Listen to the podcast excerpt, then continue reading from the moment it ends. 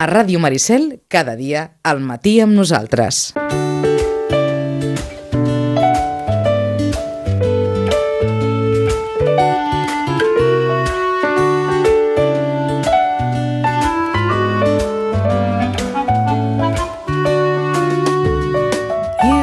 complaining, sit in the sofa, pretending everything's fine. You know that you got me waiting, you got me looking to see the metamorphose. No need to kill a dragon, save a princess. No need to do all that. Be a bit curious. Les 9 i 48, vinga, reprenem el Menja Sa, avui amb Jaume Jiménez. Swallow the sorrow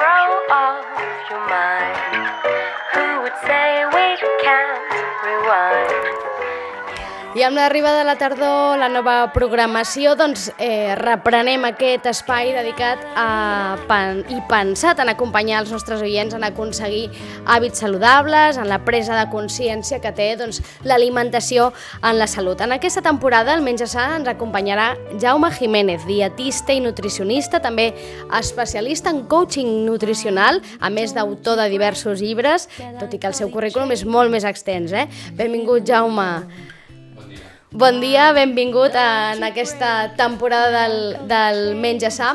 Remarcava aquesta formació inicial perquè entenc que a partir d'una font fiable, ara en parlàvem a fora, eh, de fonts fiables, però a partir d'una font fiable, en aquest camp on hi ha mm, eh, tants inputs, en el màrqueting també està tan present, no?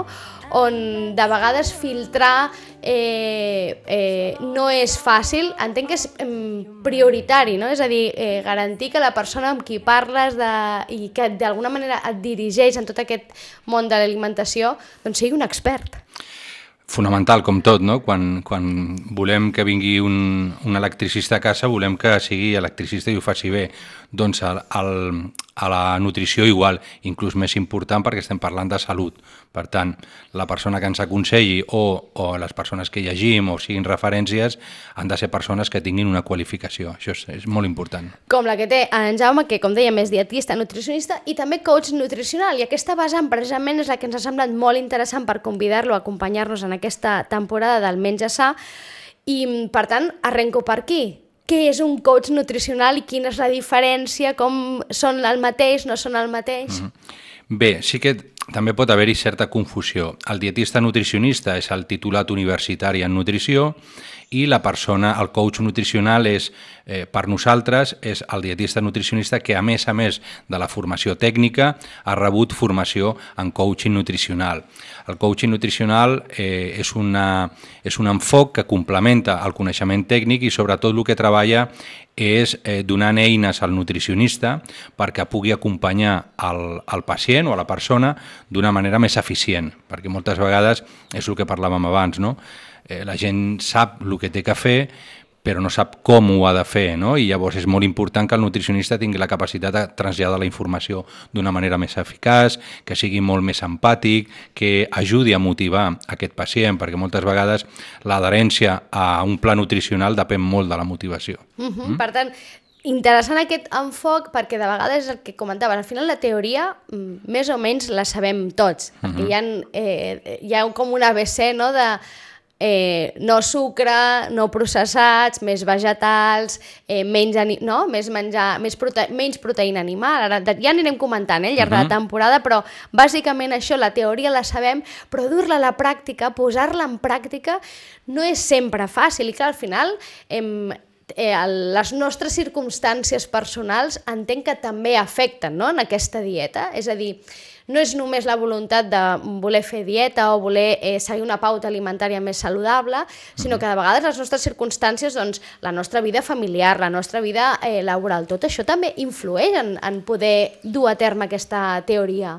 Evidentment, o sigui, a nivell de condicionants de la conducta alimentària n'hi ha molts. N'hi ha propis, però hi ha externs, com tu, ben de, com tu bé deies, Uh, les persones no són màquines que et poses uh, al menú 1 i fas el menú 1, sinó que hi ha un dia que dormiràs millor, un dia que dormiràs pitjor, un dia tindràs una situació, un horari, i llavors és important que la teva, uh, els teus hàbits d'alimentació, eh, diguéssim, vagin a, t'acompanyin, no sigui una imposició, sinó que tu puguis anar fent més o menys en funció de com et trobis. Això és molt important.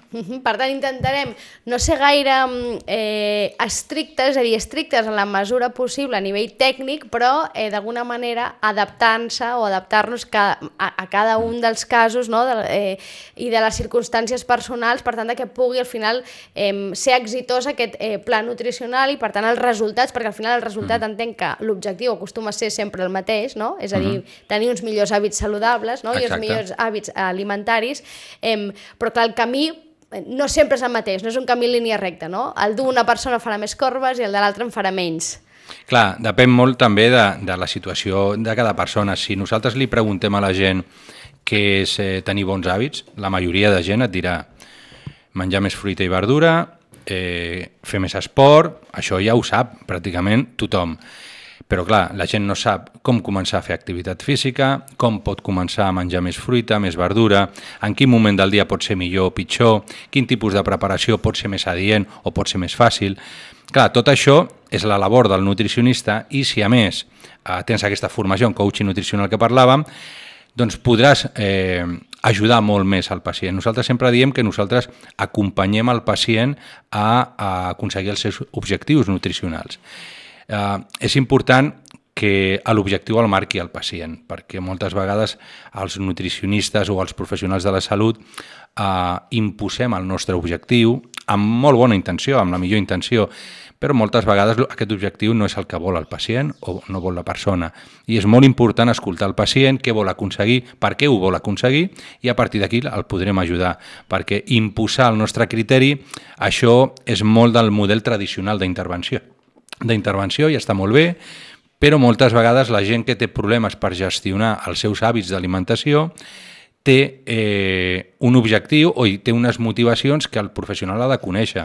Si no les coneixem, és possible que la persona fracassi. I quan fracassa, la motivació encara baixa més. I cada vegada, cada vegada costa més i s'entra en un cercle viciós que la persona acaba per no sortir-se. Mm? perquè no és tan fàcil i tots ho sabem perquè tots en algun moment o altre hem intentat modificar d'alguna manera els nostres hàbits alimentaris uh -huh. intentant ser eh, d'alguna manera més saludables i sembla mentida, eh? De vegades no és tan fàcil, no és tan fàcil menjar més verdura o menjar més fruita. Quelcom que tothom podria pensar que és una teoria molt senzilla, Exacte. doncs no és tan fàcil. Doncs canviar aquell postre de xocolata per una poma mmm, no quan, és tan fàcil. Quan portes 5 anys fent-ho, és difícil. O sigui, jo sempre dic, uh, deixar de fer una cosa que et dona plaer, qui vol fer això?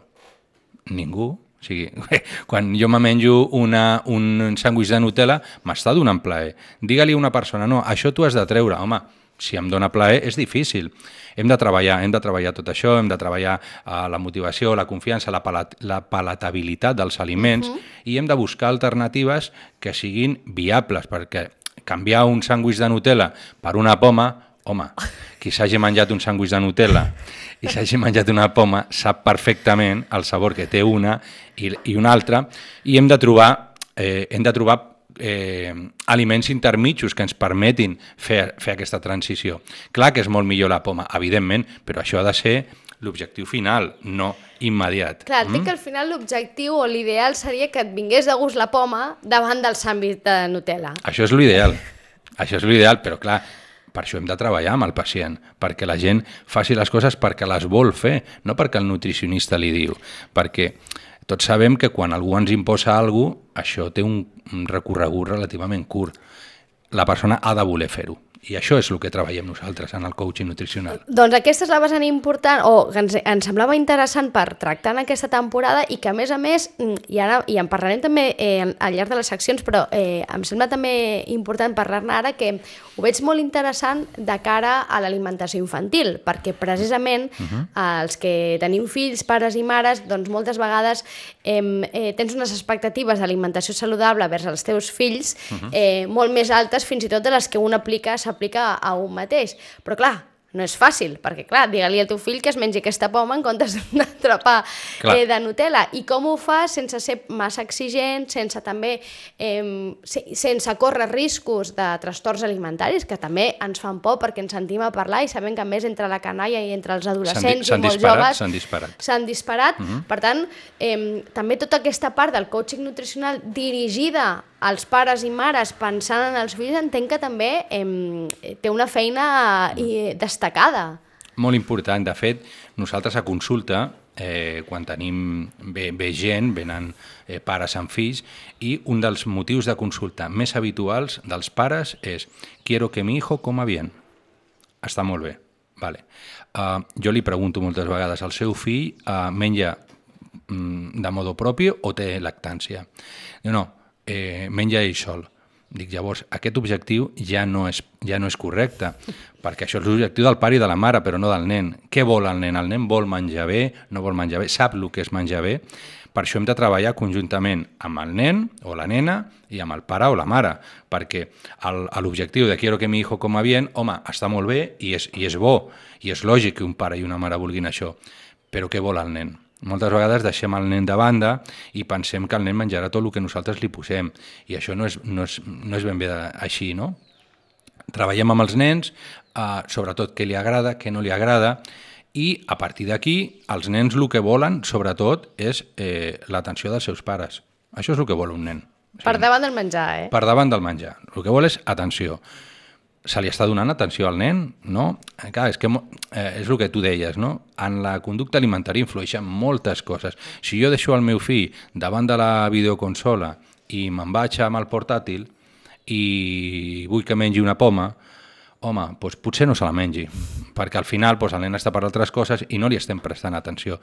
Són moltes coses les que hem de treballar i sobretot pensar eh, vull que el meu fill mengi bé, està molt bé, però això és un objectiu del pare o de la mare, no del nen. I hem d'escoltar al nen què li agrada i què no li agrada. I no intentar eh, les nostres frustracions alimentàries traslladar-les als nostres fills, perquè jo no menjo bé, vull que el meu fill mengi bé. Bueno, doncs potser serà més fàcil que jo comenci a fer canvis i així transmeti un entorn que sigui més adient perquè el nen pugui anar canviant. Hem de ser flexibles i això és una carrera de fons, no és un sprint.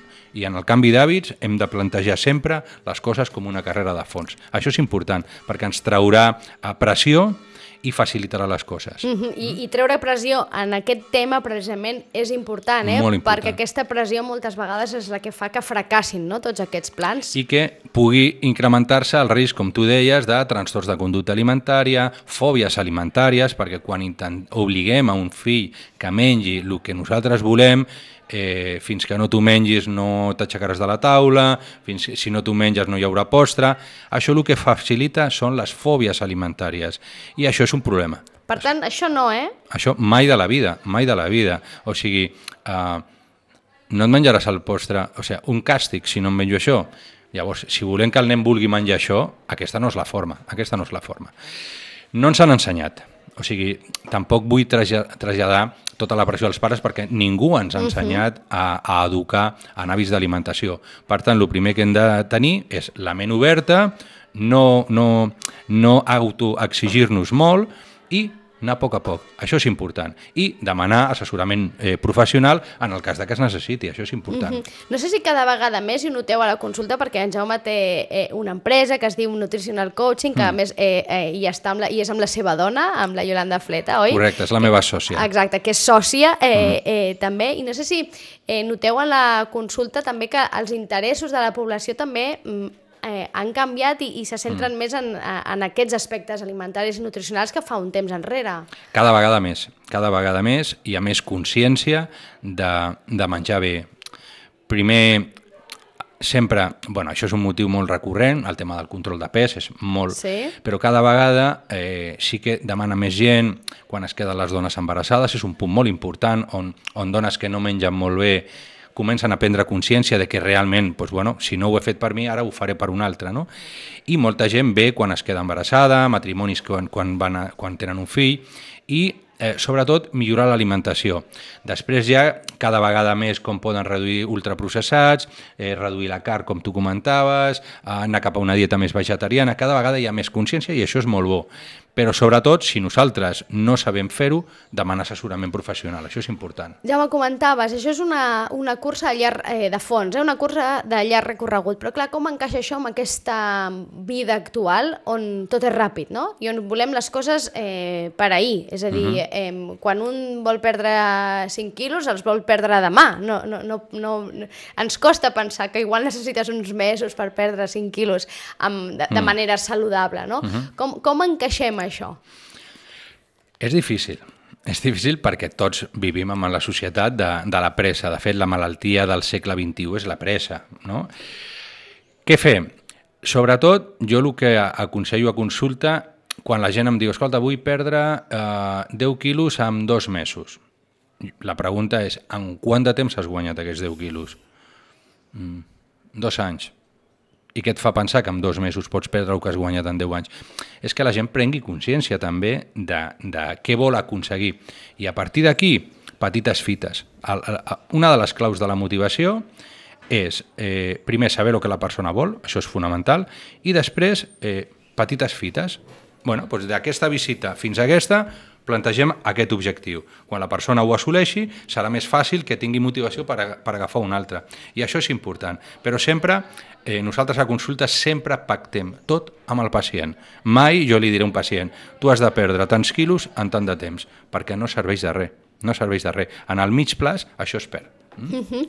I com, eh, com combatiu eh, els experts en, en, en la matèria amb aquest accés d'informació? Perquè és que eh, tot el que té a veure amb el món de l'alimentació saludable, amb el món de la nutrició, fins i tot també amb el món de, de, de, de l'aprimar-se no? i de l'estar bé, no sé mm -hmm.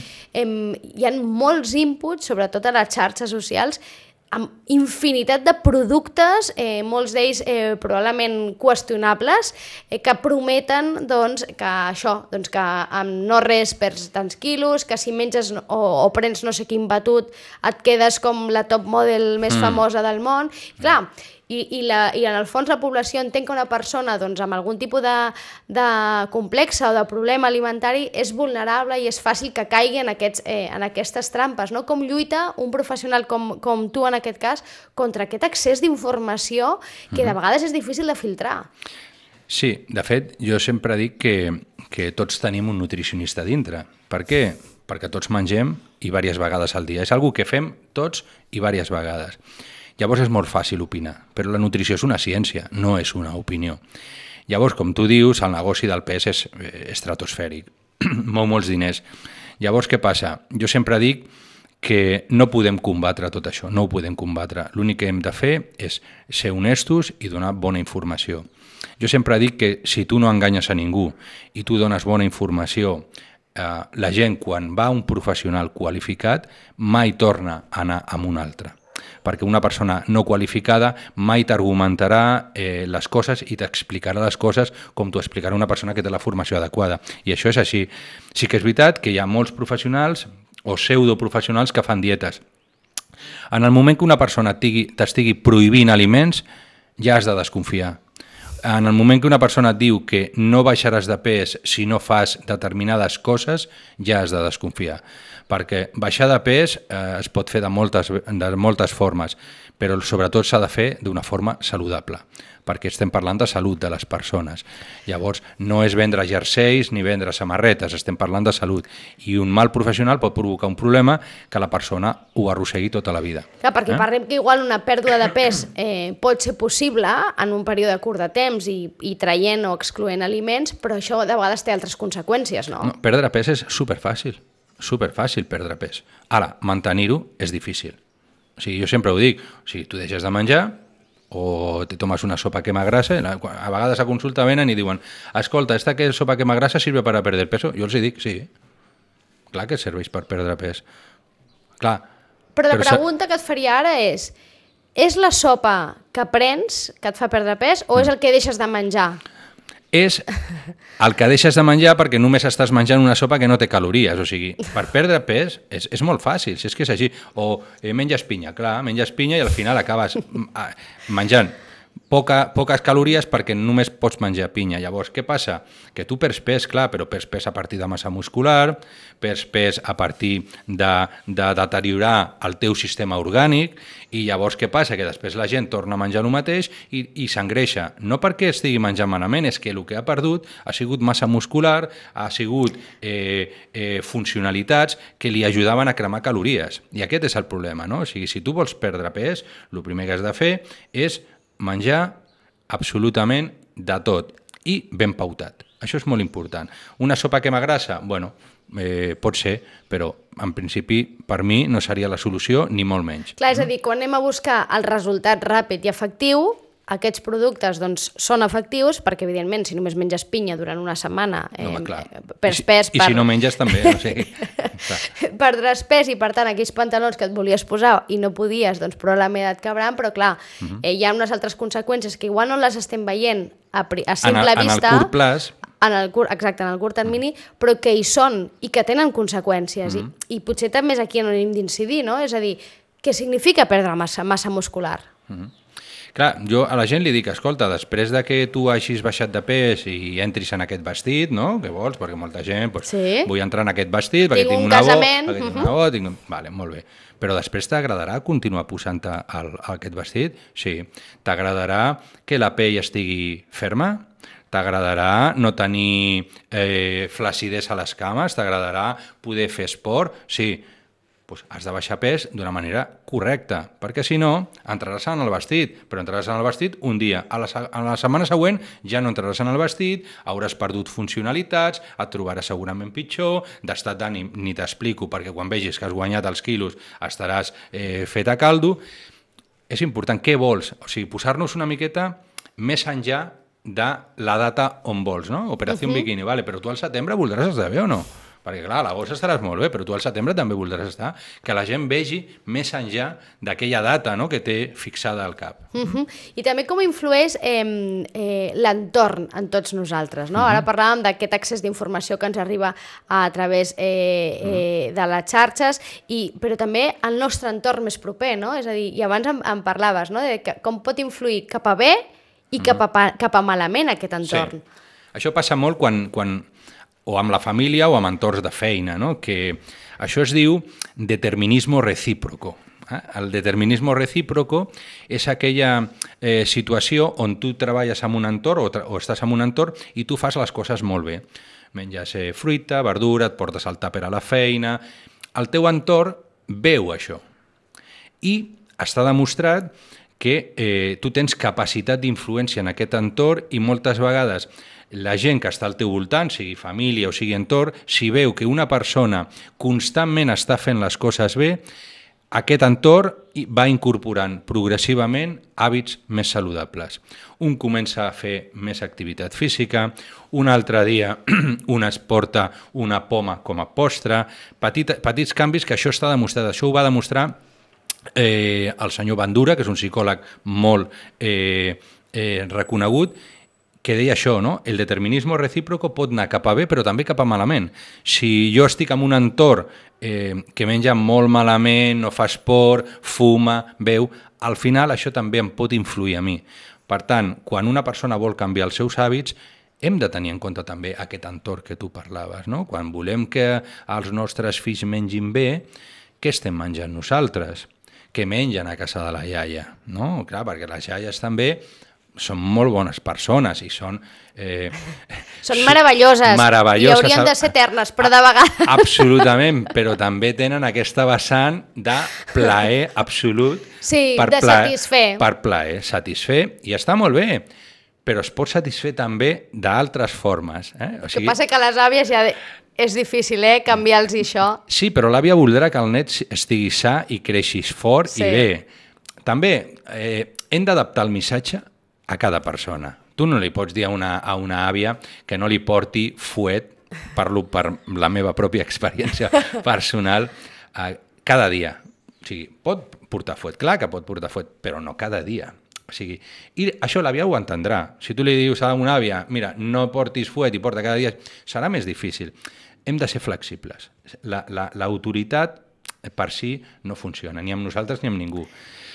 L'entorn és molt important. L'entorn és molt ja. important. Tot això és el coaching nutricional, de tot això en parlarem a, al llarg de la temporada amb en, a, amb en Jaume Jiménez, que, i, i ho veig molt interessant pel que dèiem, eh? perquè la teoria al final jo crec que eh, ja més o menys la sabem tots, però posar-la en mm. pràctica no és fàcil, influeixen moltes circumstàncies, eh, el nostre entorn, la nostra feina, moltes coses, per tant, d'aquí mica en mica anirem esbrinant per què, què fer per posar en pràctica aquesta teoria. I ja, darrera pregunta per acabar, no sé si hi ha un moment òptim per anar a demanar, per demanar hora al coach nutricional. És a dir, mm. per anar a demanar hora. I quin moment és l'òptim? L'òptim és quan ja estem fatal? Hem de, ser, mm, hem de prevenir? Sempre és un bon moment. Sempre. El que hem de tenir en compte també és que és una carrera de fons. El que no podem fer és, escolta, vull aconseguir això i vaig al coach nutricional dues setmanes abans el que no fem amb, amb 10 anys no ho voldrem fer amb dos dies. Per això sempre és un bon moment perquè sempre ens ajudarà, sempre ens donarà eh, un enfoc diferent. Eh?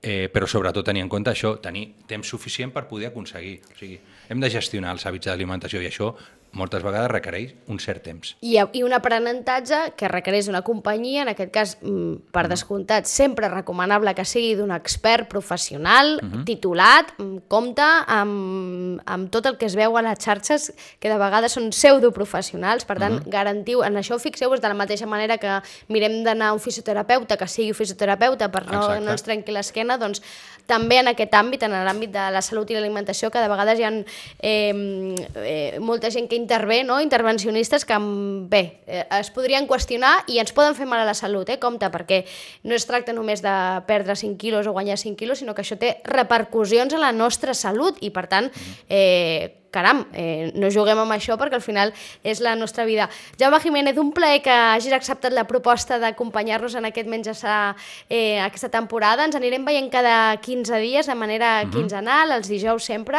a tres quarts de 10 del matí, i anirem eh, desgranant una mica tot aquest món del coaching nutricional i tractant també temes d'actualitat, del moment, eh, en definitiva, tot allò que té a veure amb els hàbits saludables. Moltes gràcies. Gràcies a vosaltres. Vinga, fins la propera.